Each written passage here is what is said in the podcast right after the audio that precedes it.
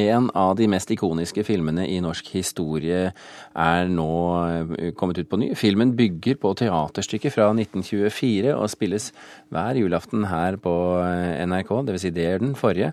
I morgen nemlig er det premiere på nyinnspillingen, regissert av ingen ringere enn Nils Gaup. Velkommen til oss, Gaup. Takk skal du ha.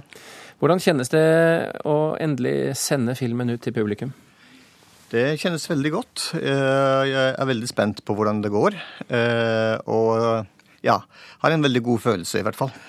Det er fire år siden sist du kom med en eh, film. Har det, har det vært lenge å vente for deg? Det er alltid lenge å vente med film. Det tar sin tid å, å finansiere film, så jeg syns jeg har kommet meg ganske raskt til, tilbake til det store lerretet igjen. Gaup, 'Reisen til julestjernen', hvorfor ville du lage den? Ja, altså Jeg husker jeg har sett uh, forestillingen på, uh, på Nationaltheatret for mange herrens år siden. Uh, og syns at den historien er veldig god. Altså Den har en eller annen sånn magisk historie, altså en magisk bunn. En slags mytisk bunn som er veldig spennende.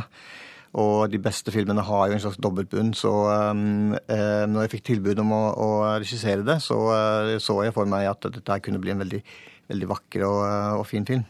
Denne mytiske dobbeltheten eller mytiske bunnen, hva, hva innebærer den? Hva er det for noe? Altså det, det, handler jo om en liten jente som uh, er i, i, i, den aldersgruppa hvor man uh, vil finne ut av seg sjøl. Altså man skal finne, uh, finne sin egen rot, finne seg sjøl, finne seg selv, på en måte. og den mytiske delen er jo det at man i myten så sier at du kan aldri dra ut for å finne deg selv. Du må finne noe annet på vegne av andre. Hvis du gjør det, så vil du til slutt finne deg sjøl. Eh, så eh, når hun drar ut for å finne julestjerner, så gjør hun det utelukkende for å hjelpe kongen å få tilbake den stakkars eh, Gulltopp som er blitt borte. Så hun gjør det ikke av egoistiske grunner, hun gjør det for å hjelpe andre. Hun plasserer seg, hva skal si, sin søken ut av seg selv. Og ifølge myten så er det da man finner, finner fram til seg selv. Og det er en tradisjonell historie på sett og vis om det gode mot det onde? Ja, ja. Det, det, er ikke noe, um, det er ikke noe, nye ting man tilfører til, til storytelling. Gikk du til eh, verket med en viss ærefrykt? Eh, absolutt, fordi at, eh, eh, fordi at, jeg liker stykket til, til Sverre Brandt fra 1924. Jeg syns den har de kvalitetene som skal til. Og vi hadde ikke lyst til å lage sånn postmoderne barnefilm som skal more voksne. Men å ta barna på alvor og gå inn i det universet, og som, som Brandt gjør i stykket sitt. Og, så, og dyrke det ut fra det, uten å klusse for mye med det. Men når du sier at du skulle lage en film for eh, barna, eh, hvordan tenkte du da egentlig? Eh, det er å tenke rent. Altså, Unger er veldig altså de, de lar seg fort forstyrre hvis man har masse elementer med som, som skal underholde den voksne delen av publikum, f.eks. Så det er å holde det rent og ryddig, og ikke overdrive. Men heller underdrive på visse steder, slik at ting får eh, vokse i, eh, i, eh, fantasien til barna. Det er litt interessant det du sier nå, fordi at jeg legger merke til at i nesten alle anmeldelsene så får du kjeft fordi at skurkene ikke har vært slemme nok og, og filmen har vært for ren. Hva tenker du om det? Ja, da tenker jeg at øh, det er jo voksne som skriver. Øh, og de er vant til at i visse filmer så har man voksenhumor i tillegg til barnehumor. Uh, særlig på animasjonsfilmer så har man masse sånne sitat fra andre filmer og ting og tang som voksne syns er veldig morsomt, men som barna ikke får med seg. Og det har jeg inntrykk av det her. Så når Dagbladets anmelder skriver, at hun ikke liker filmen i det hele tatt, og bruker anledning til å slakte den gamle filmen, så avslutter hun med at men, de, men barna og foreldre kommer sikkert til å like det.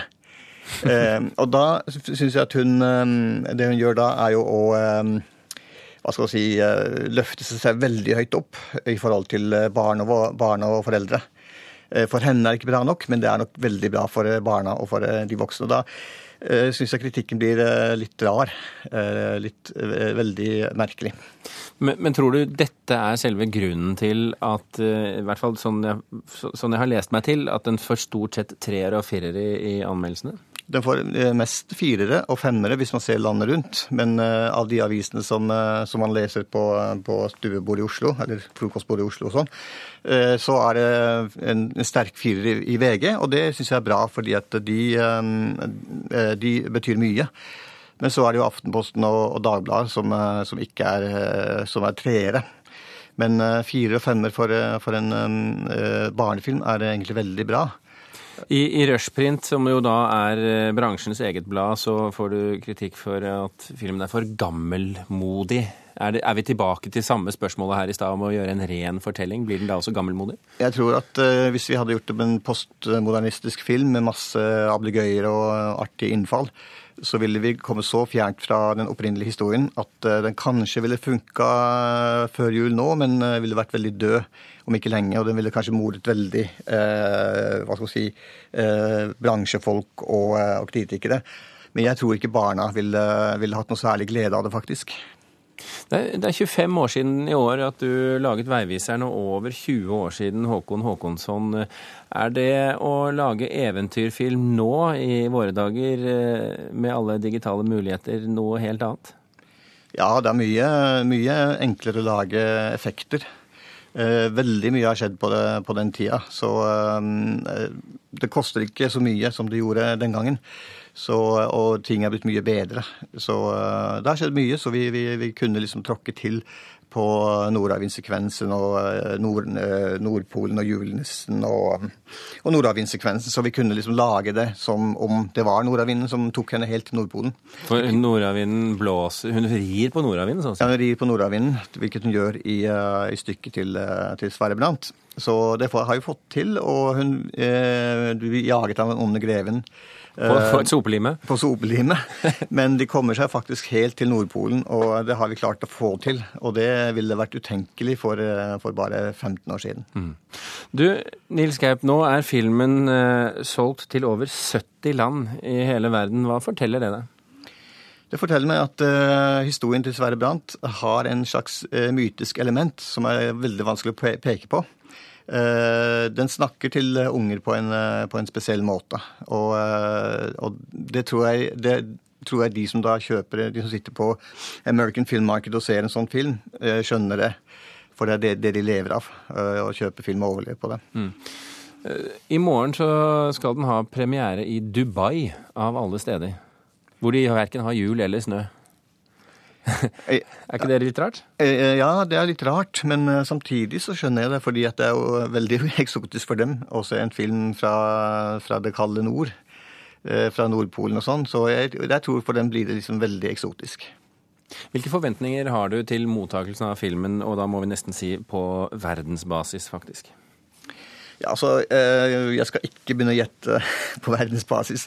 Eh, jeg, har, jeg, tør ikke spå, men eh, mitt håp er jo at, at, folk i, at folk i Norge kommer og ser filmen nå til helga. Så det er det, det er det eneste jeg kan håpe på. Takk skal du ha, Nils Gaup, regissør altså for den nye reisen til Julestjernen-filmen som har premiere i Norge.